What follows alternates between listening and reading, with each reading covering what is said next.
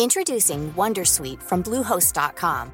Website creation is hard, but now with Bluehost, you can answer a few simple questions about your business and get a unique WordPress website or store right away. From there, you can customize your design, colors, and content. And Bluehost automatically helps you get found in search engines like Google and Bing. From step-by-step guidance to suggested plugins, Bluehost makes WordPress wonderful for everyone. Go to bluehost.com/wondersuite.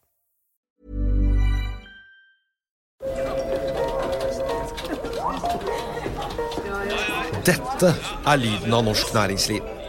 Akkurat nå tas det små og store valg som kan bli avgjørende for fremtiden. Med økonomisystemet X-Leger tas disse beslutningene basert på informasjon i sanntid, slik at drømmer og ambisjoner kan bli virkelighet. Få kontroll og oversikt, gå inn på xledger.no. Denne sendingen er sponset av Xleger.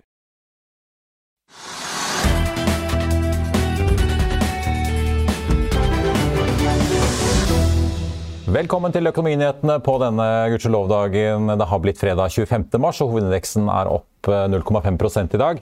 Dermed ser det ut til at vi får en stigning denne uken samlet sett på rundt 3% og Med denne oppgangen så har Oslo Børs og mange europeiske børser fulgt etter den oppgangen vi så i Asia-dag etter at Wall Street, Wall Street endte i pluss i går. Og De eneste to store unntakene er egentlig aksjemarkedene i Sverige og Finland som er ned i dag. Futures på Wall Street peker også mot en oppgang når det amerikanske aksjemarkedet åpner om en times tid. Både olje- og gassprisene har falt i kjølvannet av nyheter fra Joe Bidens besøk i Europa, og det blir det mer om straks. Og i studio i dag får vi også besøk av Norsk olje og gass sin relativt nye toppsjef Hildegunn Blindheim. Og det blir også bilprat på tampen av sendingen. Nordsjøoljen ligger ned 1 i dag til 116 dollar og 80 80 cent per fat. Vi var helt oppe i 123 dollar på det meste i går. Og den amerikanske lettoljen ligger på rundt 110. Og det er eh, fem aksjer som stiger til nye rekorder på Oslo Børs i dag. Det er Cool Company, Deep Value Driller, Klavenes Combination Carriers og eh, SalMar og Kongsberg Gruppen. Og apropos SalMar, styret i NTS har nå kommet med sin anbefaling på budet som SalMar kom med på konsernet, og de gir tommelen opp.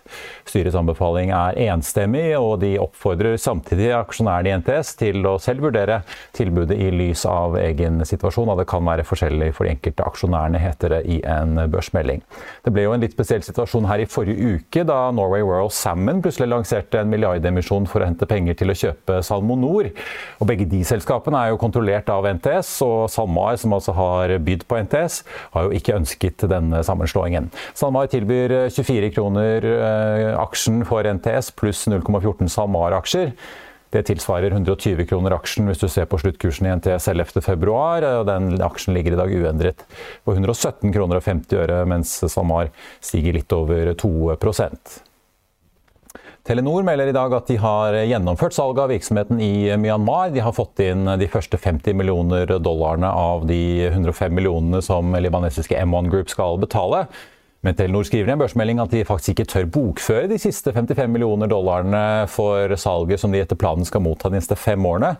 Rett og slett pga. usikkerheten i Myanmar. Det var i starten av 2021 at militæret i landet gjennomførte et kupp og tok makten. Noe som igjen førte til at eh, Telenor konkluderte med at de ikke lenger kunne bli værende i landet. Dette har jo vært en satsing som før dette har gitt kjemperesultater for Telenor, men eh, etter kuppet så skrev Telenor ned hele verdien av virksomheten og tok et tap først da på 6,5 milliarder kroner i regnskapet i fjor. Og I fjor sommer opplyste Telenors finansdirektør at hvis man regnet på kontantstrømmene i virksomheten, så var Telenors tap oppe i rundt 1,2 milliarder samlet sett gjennom alle disse årene. Og når man da regnet med salgssummen til M1 Group, i børsmeldingen i dag så kommer det frem at dette tapet har steget til halvannen milliarder kroner. Og Telenor-bokførere taper regnskapet på nye 800 millioner i første kvartal. Den aksjen er ned 0,6% i dag. Riksselskapet Sidril bytter sjef på dagen. De har ansatt Simon Johnson for å erstatte Stuart Jackson som konsernsjef. Johnson har bl.a. jobbet i riksselskapet Diamond Offshore. Tidligere har han også jobbet i Sidril og Noble og Borr Drilling. Riksselskapet er jo på vei ut av sin andre runde i amerikansk restrukturering, kjent som Chapter 11. Den aksjen har også vært suspendert på Oslo Børs siden 23.2, i påvente av at de da kommer seg ut av denne rettslige prosessen. Mobilselskapet Ice melder i dag at Nasjonal kommunikasjonsmyndighet har gitt tillatelse til at alle mobilfrekvensene de sitter på, kan flyttes over som en del av oppkjøpet som Lyse nå gjør av hele mobilvirksomheten. og Dermed er også alle vilkårene i kjøpsavtalen med Lyse innfridd, ifølge børsmeldingen. Oppkjøpet skal etter planen fullføres nå i slutten av mars, og Ice har jo tidligere uttalt at de regner med at eh, aksjonærene deres blir sittende igjen med rundt 100 millioner kroner etter at all gjelden i selskapet er gjort opp. Den tilsvarer rundt 49 øre aksjen, men aksjen den handles litt opp i dag til 99 øre. Og Finanstilsynet kom jo med en eh, smekk på fingrene til Ice i går etter børsslutt. De har sett nærmere på regnskapene til Ice, og tilsynet mener at Ice ikke ga tilstrekkelige opplysninger i kvartalsregnskapet sitt for tredje kvartal i fjor, til, knyttet til forliket med långiver Golden Tree Asset Management, og at dette ble rettet opp i fjerde kvartal. Det var jo rentemøte i går der renten eh, fra Norges Bank ble økt fra 0,5 til 0,75. og Ida Wolden Bakke også formelt ble Norges nye sentralbanksjef. I dag så har banknæringen fulgt opp, og det er Sparebank1 Nord-Norge som eh, kan ta æren av å være banken som var først ute med å heve boliglånsrenten. Norges Bank eh, sa jo i går at de regner med at boliglånsrentene i Norge vil stige fra rundt 2 til 4 fra i dag og frem til 2025. Og så får vi også ta med at eh, gruveselskapet Nordic Mining stiger 20% i dag. Og mer om nyheten deres fra prosjektet deres i Finland blir det mer om i dagens aksjetips litt senere i sendingen. Før vi går videre i sendingen, husk at du også kan se sendingene våre ved å gå inn på fano-tv, og at vi også har andre podkaster enn bare Økonominyhetene, som Morgenkaffen, Gründerpodkasten Veien hit, Ukens vintips, Kunstpraten og bilpodkasten Mil etter mil. De finner du ved å søke Finansavisen, der du hører på podkast. USAs president Joe Biden kom til Europa og Brussel denne uken, og i tillegg til å da få gjennom at Jens Stoltenberg skulle forbli generalsekretær i Nato, så skjer det også store ting på energifronten. EU og USA har blitt enige om en avtale om at USA skal levere ytterligere 15 milliarder kubikkmeter flytende naturgass til Europa i 2022. Og partene sikter seg mot at USAs leveranser i 2030 skal økes til nærmere 50 milliarder kubikkmeter per år. Det er omtrent en dobling fra fjorårets på 22 milliarder kubikkmeter. Til sammenligning så leverer Norge rundt 115 milliarder kubikkmeter årlig til Europa, mens Russland ligger på 150. Så det er altså snakk om eh, å komme opp i rundt en tredel av de leveransene som Russland har i eh, dag. Den amerikanske presidenten påpekte at eh, man nå i Europa skal ha mer lagring av gass, og man skal også bygge opp anlegg for å ta imot flytende gass. Og Joe Biden sa også at alt dette skal skje i tråd med klimamålene. Og Bloomberg har mer om hva avtalen kan innebære. The US and the EU have reached an energy supply deal to cut dependence on Russia. The US is actually aiming to supply the EU with at least 15 BCM of extra LNG in 2022. Again, that could be sufficient for the summer months. I don't know what happens when we get onto the winter and those colder temperatures. And Germany says that it plans also to be almost independent from Russian gas mid 2024. That's two years away. And again, it begs the question of what happens in the meantime. So, for more on the second day of summits, we're joined by Bloomberg's Maria today in Brussels. Maria, we seem to have an agreement, still thin on details, so we need to know exactly how much it entails. But in the shorter term, is there, I don't know, if you look at shorter, medium, and, and longer term, it seems that the problem is not short because we have the extra supplies, but it could be next winter.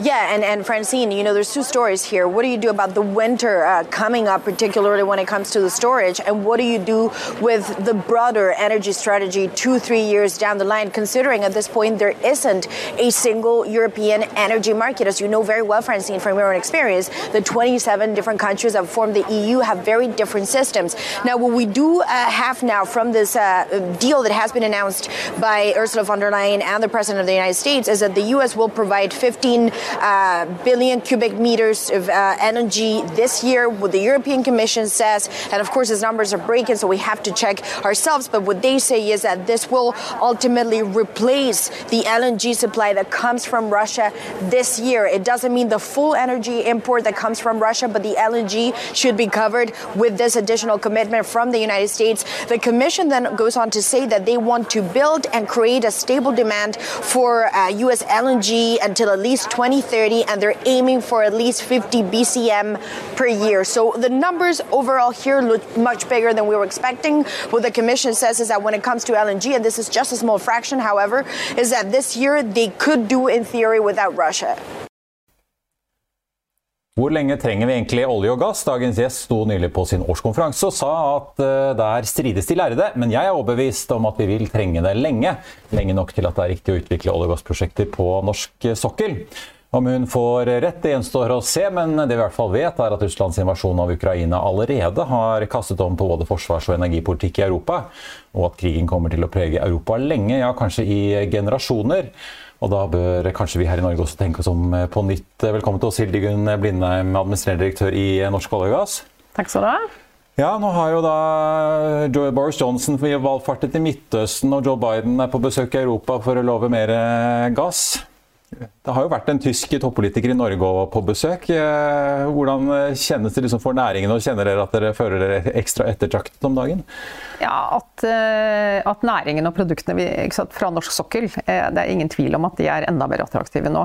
Det er jo ikke sånn at de ikke har vært attraktive i EU allerede. Vi er relativt en, avhengige også, ikke bare Russland? Ja, ja og så har vi sant, Vi er uproblematiske, vi er stabile, pålitelige. Det har vi alltid vært.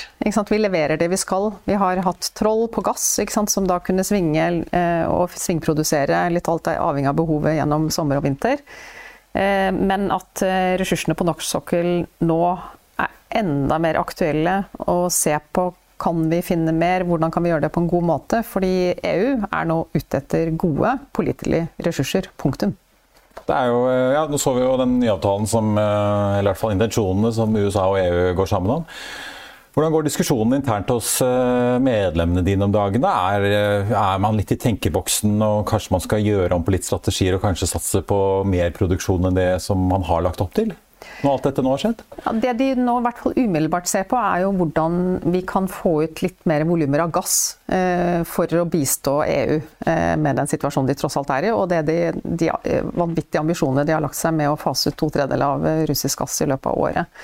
Og det er, det er, klart det er begrenset hvor mye vi greier å bistå på kort sikt. Fordi vi eh, kjører, og rørene våre kjører på rimelig full kapasitet. Og så fikk jo et par lisenser tillatelse til å, å, utvinne mer gass nå. Så vi kan ja, utsette litt vedlikeholdet. Det er jo litt sånne midlertidige grep det er litt for å få det til her. Ja. Og så er det selvfølgelig, når Melkøya kommer opp igjen, så vil jo det også være noen BCM som kan bistå med LNG da, til Europa. Og så er det jo hvordan vi da går videre. Skal vi da i enda større grad eh, se Kan vi finne letemodeller så vi kan finne gass i enda større grad? Hvor kan vi finne de? Eh, hvilke, det, uansett hvordan vi ser på det, så vil man i årene framover se på infrastrukturnær leting. Men så har vi jo områder, både Barentshavet, hvor Oljedirektoratet mener vi har store gassressurser. Hvordan kan vi gjøre det? Hvordan skal vi få den gassen ut av den regionen? Alle disse tingene bør vi diskutere. Fordi uansett, og EU har vært veldig tydelig på i sin Repower EU, de skal både møte styrke energisikkerheten sin, på tross av at de nå da skal ut av, eh, av russisk gass. Eh, men de skal også greie å nå klimamålene sine. Så de kan ikke slippe De har de har jekket opp ambisjonene på hydrogen, de har jekket opp ambisjonene på, på fornybar energi som havvind, eh, landbasert vind, sol. Og der kan vi også bidra. Og det er jo noe som vi også organiserer. Havvind. Selskaper og den utviklingen vi kan ha på norsk sokkel. Så det er jo ikke bare gass og olje vi snakker om. Vi snakker også om hvordan kan vi da utnytte ressursene, vindressursene på norsk sokkel og CO2-lagringsressursene på norsk sokkel i tillegg. Og fortsette den utviklingen. Men er det, ja, det er litt sånn Ole Brumm, ja takk, begge deler. Vi må egentlig bare eh, akselerere på alle fronter hvis Europa skal klare å nå disse målene? Da. Ja, EU, ja, det er ingen tvil om. Dette er utrolig ambisiøst å skulle fase ut en, kilde, en, så stor kilde til gass. Så, så det er klart de kommer til å trenge så mye som mulig av absolutt alt annet som da kan ta over, det være seg elektrisitetsproduksjon eller molekyler til industri eller eh, til husholdninger, så lenge de da kommer til å bruke gass i husholdninger i noen av landene. Men, eh, men her er det full pinne på det aller meste, skal de greie å fase ut så mye russisk gass. Og så kan klart Vi kan, eh, kan, sikkert øke noe over tid, men vi har allerede full kapasitet på eksport i rørledningene våre. Så det, det er begrensa foreløpig hvor mye mer vi kan sende ned. Men altså, all denne, altså, øh, hvis aktørene på norsk sokkel skal forplikte seg til noe mer, da. Øh, det er jo fortsatt en realitet at selv om gass er dyrt nå, så er det fortsatt billigere å kjøpe for så vidt både norsk, men ikke minst russisk rørgass enn å få det inn på skip fra USA eller ja. Qatar. Hvordan skal EU faktisk klare altså Hvis næringen og norsk sokkel skal møte dette, hvordan skal man få det til da? Kan markedsmekanismen fungere ved at ingen vil kjøpe russisk gass og det er sanksjoner på det, eller må EU komme med noen forpliktende avtaler som gjør at dine medlemmer faktisk kan se at her er det en forutsigbar etterspørsel i flere år fremover? Ja, det skal jeg være forsiktig med å være for bastant på. Men jeg tror uansett hvor, hva de får inn, og hva slags avtaler de gjør med de som da kan frakte mer LNG inn til Europa, det er begrensa hvor mye rørressurser, eh, rørgass, som går inn til Europa. Og den vil alltid være attraktiv. Den har lavere klimafotavtrykk. Det er helt uten tvil. Den har lavere fra utslipp fra produksjon, så den vil uansett være attraktiv. Så jeg tror det vi greier å utvikle på norsk sokkel, det vil være attraktivt for EU, uavhengig hvordan man skrur sammen avtaler. Så jeg tror den langsiktigheten for norsk gass, den er jo enda tryggere nå enn den var tidligere. Men Bør vi begynne å tenke på å bygge flere rør til Europa? Nå åpner du en ny rørledning til Polen via Danmark som heter Baltic Pipe fra Norge nå i oktober, er det vel? Men bør vi liksom tenke at her må vi ha enda mer? Ja, og da kan man jo det, det, det, er jo selvfølgelig en diskusjon vi bør ha, men vi må jo ha, finne ressurser nok også til å kunne fylle det røret. Eh, et slikt rør, skal vi begynne å bygge den type infrastruktur nå, så må det selvfølgelig rigges sånn at man da etter hvert kan da sende f.eks. hydrogen, dekarbonisert gass, ned til Europa. Når skal man begynne å bygge den type infrastruktur, så må man definitivt tenke langsiktig. Enten at vi da kan eh, dekarbonisere gassen i Norge, med de arbeidsplasser og, og, ringvirkninger det vil kunne gi. Eller at vi da kan bruke samme røret til å sende CO2 tilbake når det da ikke er behov for eh, like mye gass i Europa. Men vi ser jo at eh, tryggheten i volumene vi kan greie å produsere på norsk sokkel, den er jo der eh, ganske lenge. Så jeg, ja, den, eh, men den diskusjonen får vi ta. Og så får vi se på ressursgrunnlaget vi har. Men Begynner medlemmene å faktisk øke lettebudsjettene sine nå, eller er det litt for tidlig å si? Det tror jeg er litt for tidlig å si, men at de ser på eh, at de ser på hvordan kan vi nå eh, fokusere på å få ut mer gass. Enten det er å lete etter mer gass i områder de har tro på å finne det. Eh, knytter det til den infrastrukturen som eh, er nærmest, for det er jo det vi kan gjøre på kort sikt. På mellomlang sikt så er det jo en diskusjon på om vi da skal skal vi bygge ut flere LNG-tog? Skal vi eh, fortsette utviklingen av ammoniakk-hydrogen eh, eller rør fra Barentshavet? Det er jo det er de, de, opsjonene vi må diskutere. Eh, og så må vi fortsette den utviklingen vi har på å få til å dekarbonisere gassen og utvikle hydrogenmarkedene i Europa. For det trenger de også hvis de skal greie å oppnå klimamålene sine. Det er kanskje mye som meisles ut i EU som man ikke helt vet akkurat hvordan dette ender helt ennå. Men Nei. Vi hadde jo en oljeskattepakke her eh, for to år siden eh, som eh, ja, for Norges del ble jo en slags sånn motsyklisk eh, satsing. Vi har jo da klart å opprettholde aktiviteten eh, egentlig i kontrast til en del andre oljeregioner rundt i verden. Det går jo egentlig ganske for full maskin i norsk leverandørindustri i ganske mange år fremover nå mot 2026-2027. Har vi egentlig selv om vi skulle ønske å bygge ut mer satellittfelt eller øke utvinningen, har vi egentlig muligheten til det, eller er kapasiteten ganske oppbrukt? Ja, hvor, hvor, mye mer kapasitet vi har til å øke på kort sikt, det er vel begrenset nå. For nå er det ganske mange pudder som kommer inn eh, under det midlertidige skatteregimet i løpet av dette året, og så skal det bygges ut. Eh, så veldig stor eh, økning vil jeg jo tro at det er begrensede muligheter til. Men så er det jo ja, hvordan gjør man det, da? Man bygger veldig mange av de puddene som kommer nå. De er mindre Altså utbyggingsplaner for nye ja, beklager. Utbyggingsplaner, ja, utbyggingsplan utbyggingsplaner for eh, feltene. De er mindre prosjekter, og da sier jeg mindre fordi de er mindre i, i olje- og gassektorsammenheng. Eh, selv om det er ganske mye midler som skal investeres og mye, mye, mye potensiell inntjening å få der. Men, men de går raskere. Eh, de er ikke store utbygginger som nødvendigvis tar mange år før er på plass. Selvstendige plattformer f.eks. De er satellittfelt som knyttes til eksisterende stor infrastruktur. Så de går jo raskere. Så hvor mye fortere, det jeg, tror jeg skal være forsiktig med å være bastant på. Hva er det, liksom det viktigste sånn sett politisk eh, nå, da? Vi hører jo den nye oljeministeren snakke om, eh, og for så vidt gjenta budskapet fra valgkampen om at norsk sokkel skal utvikles og ikke avvikles. Som jo selvfølgelig er catchy. Men bør norske politikere begynne å tenke som om de bør endre noe av de politiske rammene som ligger rundt sokkelen, være det seg på olje og gass eller fornybar, når vi nå hører hva de har lyst til å få til nede i Europa? Ja, Nå det jo, vil det jo bli lagt fram et nytt uh, skatteforslag. og Det, jo, uh, det kommer nå. Uh, der, er jo, der, er jo poenget å få mest mulig nøytralt skatteregime for bransjen. og Det er jo vi også i prinsippet også enig i. Å få det til på en god måte. Så De store rammene ligger jo der. så De store endringene ser ikke jeg noen grunn til å gjøre noe med. Men det er klart det å å være åpen for at eh, skal vi lete, så må vi lete i attraktive områder. Det vil alltid være viktig for bransjen. Eh, det som ligger under de såkalt forhåndsdefinerte områdene, TFO-områdene Ja, Den årlige lisensrunden? I den årlige ja. lisensrunden. Det er jo det som er aller viktigst. Men samtidig så må vi holde åpent også at det kan godt hende at det finnes veldig interessante ressurser utenfor dette, og da trenger vi de vanlige lisensrundene også i tillegg. Ja, for Regjeringen la jo konsesjonsrunden i skuffen som en del av på en måte regjeringsdannelsen her i fjor høst. Er det en beslutning som gjøres om på nå et halvt år senere, gitt det vi har sett skje på kontinentet? Det kan vi jo i hvert fall diskutere. Eh, det syns jeg jo. Eh, samtidig så er det jo ikke bare olje og gass det er snakk om. Her er jo vi enda mer utålmodige på en del andre ting. For vi har allerede gode rammer for olje- og gassvirksomheten. Eh, men for fornybar, for havvind f.eks., eller for CO2-lagring, her har vi ikke et godt nok system for hvordan vi skal få til flere områder i god sameksistens med fiskerinæringer og andre næringer som er ute til havs. Eh, så det haster enda mer, fordi de ambisjonene EU har på havvind er enorme. Og der har vi en stor mulighet til å sakte, men sikkert i løpet av 20-årene og 30-årene ta markedsposisjoner, kunne levere strøm både til land her i Norge, men ikke minst som eksport til en, et Europa som trenger all den energien de kan få fra, fra pålitelige leverandører.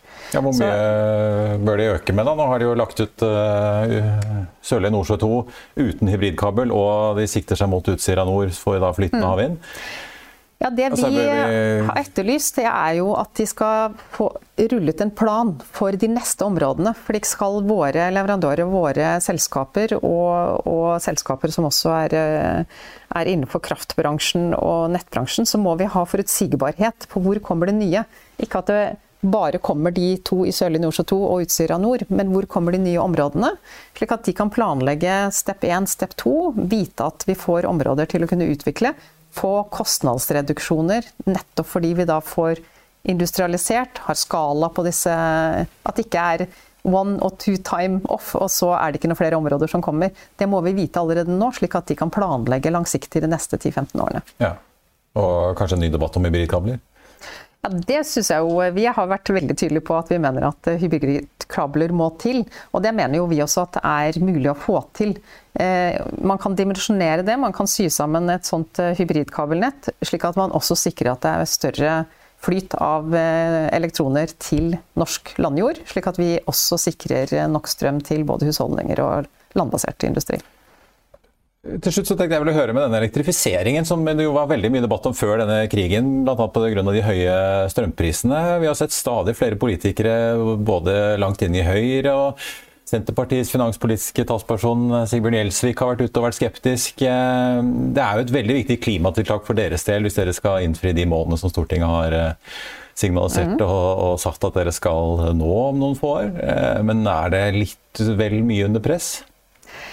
Ja, det er jo noe under press. Jeg ser det er mange diskusjoner. Og så ser jeg at eh, det er mange diskusjoner som mangler den fakta også. En ting er at eh, vi satte selv mål om 40% reduksjon innen 2030. Vi også, skal vi være i tråd med, med, FNs klimapanels mål, så må vi også greie å komme oss nær null i 2050. Så dette, vi må tenke langsiktig. Vi må tenke også lenger enn 2030. De prosjektene som nå er under utredning, er jo plattformer som skal produsere i kanskje 20 år til. Vi kan ikke bare, og det er store utslipp. Dette er også plattformer som man kan knytte ny produksjon til fra satellittfelt eh, rundt. Og da er det veldig viktig at vi greier å få redusert utslippene der. Men så kan man få inntrykk i debatten om at vi har tenkt å elektrifisere absolutt hele sokkelen til enhver pris. Eh, og samme hvor, hvor, få år det er igjen av produksjon fra den plattformen. Det er jo ikke riktig. Men det er mye strøm dere skal bruke, da? Det er ganske mye strøm. Men eh, likevel så jo, vil jo ikke vi være de største avtakerne av strøm. Vi bruker kanskje nå 7 TWh, og så produserer vi i Norge 130-40 ja. TWh vannkraft. Så vi er jo ikke en stor aktør sånn sett nå, men ja, det kommer til å være noen dilemmaer. Og da er jo vårt innspill la oss diskutere de. Men det er veldig mange av disse prosjektene som, som oljeselskapene nå planlegger, som er veldig fornuftige. Både, ikke bare for at vi nasjonalt skal nå våre klimamål, men for å være med på hele EU-biten, kvotesystemet. Eh, og, og, vi må redusere utslippene selv om vi er med i hele den europeiske dugnaden. Vi må rigge plattformene våre slik at de kan produsere olje og gass også i 2035 og 2040. Og det gjør vi ikke hvis ikke vi reduserer utslippene våre. Dere skal få nytt navn. Det skal vi. Eh, jeg tenkte på, altså, Man kunne tenkt Energi Norge, Drivkraft Norge, men alle de er jo tatt. Hva skal dere hete? Ja, Det får vi se. da. Vi en, eh, det er nettopp det vi skal ha en diskusjon om, både i bransjen og eh, med medlemsselskapene våre. Vi organiserer jo nå ikke bare olje og gass, rene olje- og gasselskaper. Vi har energiselskaper, vi har havvindselskaper, vi har CO2-lagringsselskaper og havbunnsmineralselskaper. Så norsk olje og gass er rett og slett et for smalt navn til det vi skal drive med av industri i havet. Ja. Så det, jeg vil tro at det er gode navn vi kan finne. Ja, om, dere kunne jo kalt dere Skattebetalerforeningen, men det er vel også tatt? Ja. Hildinger Blindheim i Norsk olje og gass, takk foreløpig i hvert fall Norsk olje og gass. Takk for at du eh, kom til oss.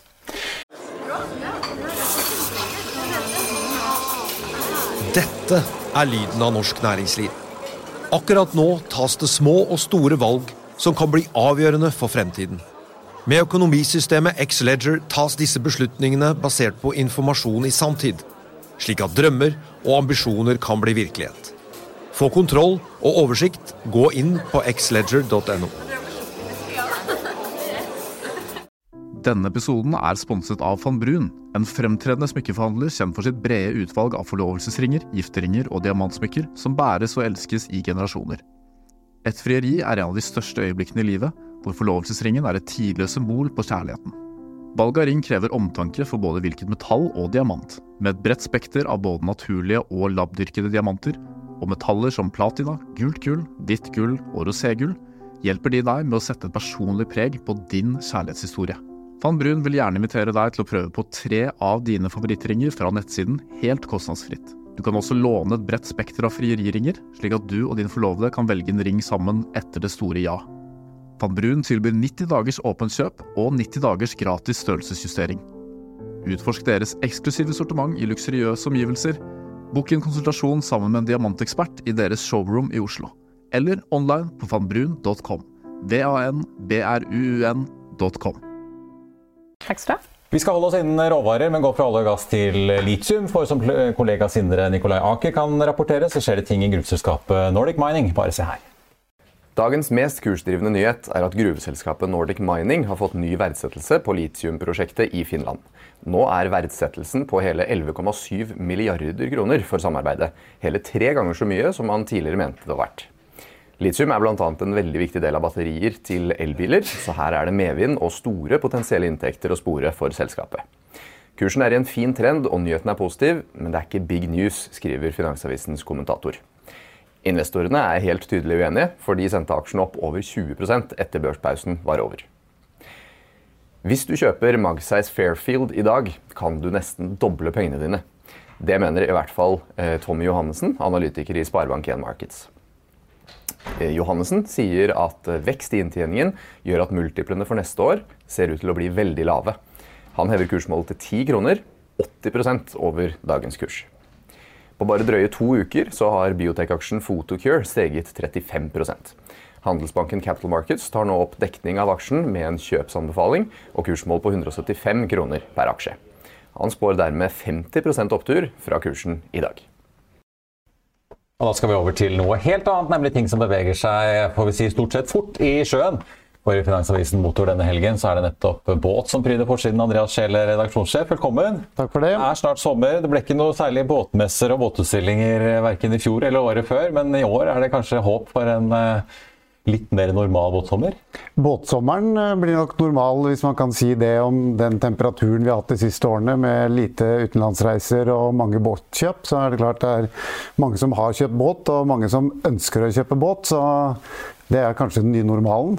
Kanskje skal begynne med forsiden. Eh, rød seter, svart lakk og rød seter. Det ser jo eh, ganske tøft ut. Hva er dette for noe? Dette er en uh, Hydrolift uh, S26, som er en uh, Det er for så vidt en åpen båt, men du har så vidt mulighet til å gå under dekk. Men det er en båt som i Hydrolift og han Bård Eckersson skal gå fort. Så dette med to 300-hestere bakpå hekken med V8-ere, så går det over 70 knop. Så da kommer du deg både til butikken og naboen og rekebutikken. Og, ja. og den får du vel neppe for 199 900 bedre òg?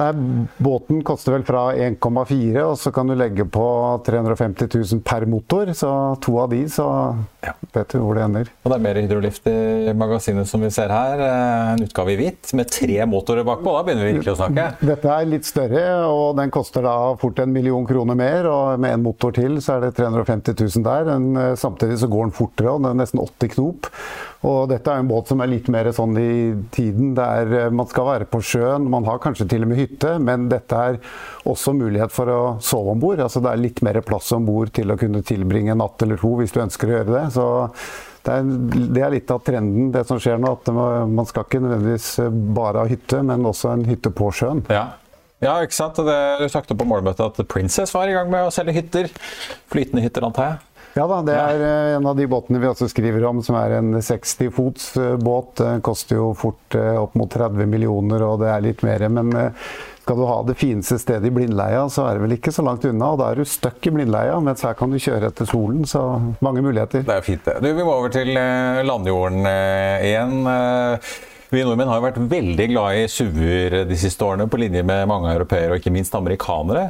Men eh, det var jo en gang da vi nordmenn eh, lengte altså Det aller grommeste man kunne få omtrent, var en stor stasjonsvogn fra enten eh, Mercedes, BMW eller Audi. Og nå blir det kanskje et lite comeback?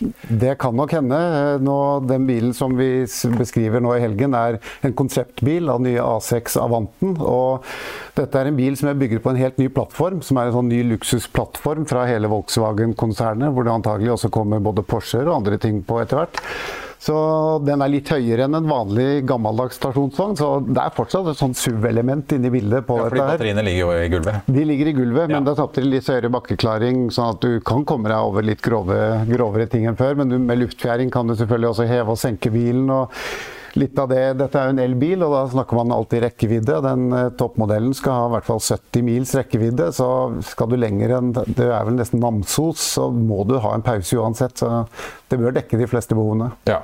I hvert fall utvilsomt store hjul på denne Audien som vi ser på ja, skjermen der, så vi får se om de blir med videre inn i katalogen. Konseptmodellene har jo gjerne ofte veldig store hjul, og designerne elsker det, for det er jo tøft å tegne biler sånn, men uh, de kryper ofte litt når det kommer en produksjonsmodell om Denne dukker vel neppe opp før om to år i butikken, men uh, det er mye å glede seg til. Ja, og så er det jo ikke alltid så greit å ha så store hjul på litt sånn sporete norske veier. Nei, nemlig. Til slutt så har jeg aldri så lite sånn motinnslag, kan vi kalle det det, som vi ser her bilder av noen eh, ganske liksom fargerike sko eh, ja. oppå et uh, motorrom? Det er en liten morsom sak. Det er han eh, Johannes Einemo på Lærdalsøren hotell, som jo er veldig sånn driver knøttlite hotell med bilentusiaster. og han beskrev det som at han satt i vinter med enda en nedstengning og hadde ikke noe å gjøre. Og så bor han jo rett ved Auland, og de lager Auland-sko.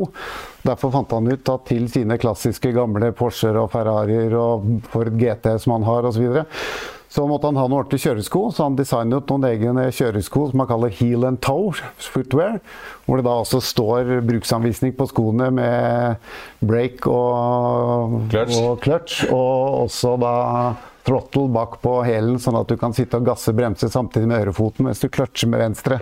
Og du kan da også visstnok få skoene tilpasset din egen bil i forhold til farge på bilen, skinne ja. Alt er mulig. Så hvis du har lyst på litt spesielle sko til din egen bil, så klassiske bil, så er det en mulighet. Det høres ut som en uh, fin gave til seg selv hvis man er bilentusiast. Nemlig. Andreas, takk skal du ha, og riktig god helg. I like måte. Da skal vi ta en titt på Oslo Børs eh, akkurat nå. Hovedindeksen er uh, opp 0,4% til 1262 poeng, og dermed ser det ut til at vi får en ganske pen uh, oppgang da, for uken samlet sett. Nordic Mining er aksjen som har steget aller mest i dag på disse nyhetene fra prosjektet i Finland og verdsettelsen der, som vi hørte om i aksjetipset. Den aksjen er opp 19,7 ser vi at Ice eh, Group har karet karret seg opp 2,4 i dag. Det er jo da sånn nå at alle vilkårene er på plass for at Lyse kan gjennomføre oppkjøpet av mobilvirksomheten deres. Ellers så kan vi jo gå til oppdrettsnæringen. NTS ned 0,4% Der kom jo da styrets anbefaling om å akseptere budet på, fra SalMar på hele selskapet, tilsvarende da rundt 120 kroner aksjen. Den ligger nå på 117,50 fortsatt. SalMar opp 2 i dag til 13 kroner og 80 øre. Og på listen over de mest omsatte aksjene så er det Equinor og Skipsteds A-aksje som pryder toppen. Equinor er opp 0,4% Skipsted opp 3,6 etterfulgt av Norsk Hydro og Aker BP, som begge faller rundt 1 Og I oljemarkedet så er jo da prisene litt ned i dag etter nyhetene fra Brussel om at USA da skal hjelpe Europa med å få inn enda mer flytende naturgass. Et fat eh, nordsjøolje koster nå 116 dollar og 50 cent, ned 1,4% Amerikansk lettolje på 109 80. Og eh, så kan vi jo da se rundt oss i Europa, hvor det også fortsatt er eh, grønt, med unntak av Storbritannia, hvor indeksen er omtrent uendret i dag, og Sverige og Finland, hvor indeksen også er litt ned. I Finansavisen i morgen på lørdag så kan du lese Trygve Hegnars eh, leder om NRKs Fredrik Solvang, som ikke liker tallet 44.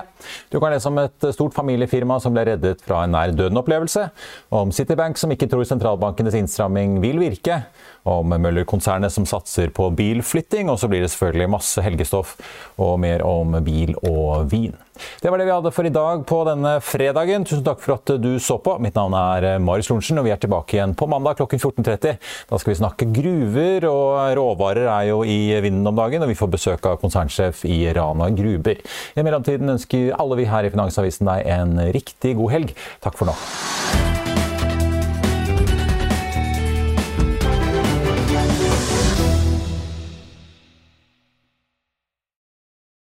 Denne sendingen er sponset av Xleger. Økonominyhetene er en podkast og videoproduksjon fra Finansavisen. Programleder er Marius Lorentzen. Aksjekommentator er Karl Johan Molnes. Produsent er Bashar Johar. Podkast- og videoansvarlig er Marius Mørk Larsen. Og ansvarlig redaktør er Trygve Hegnar.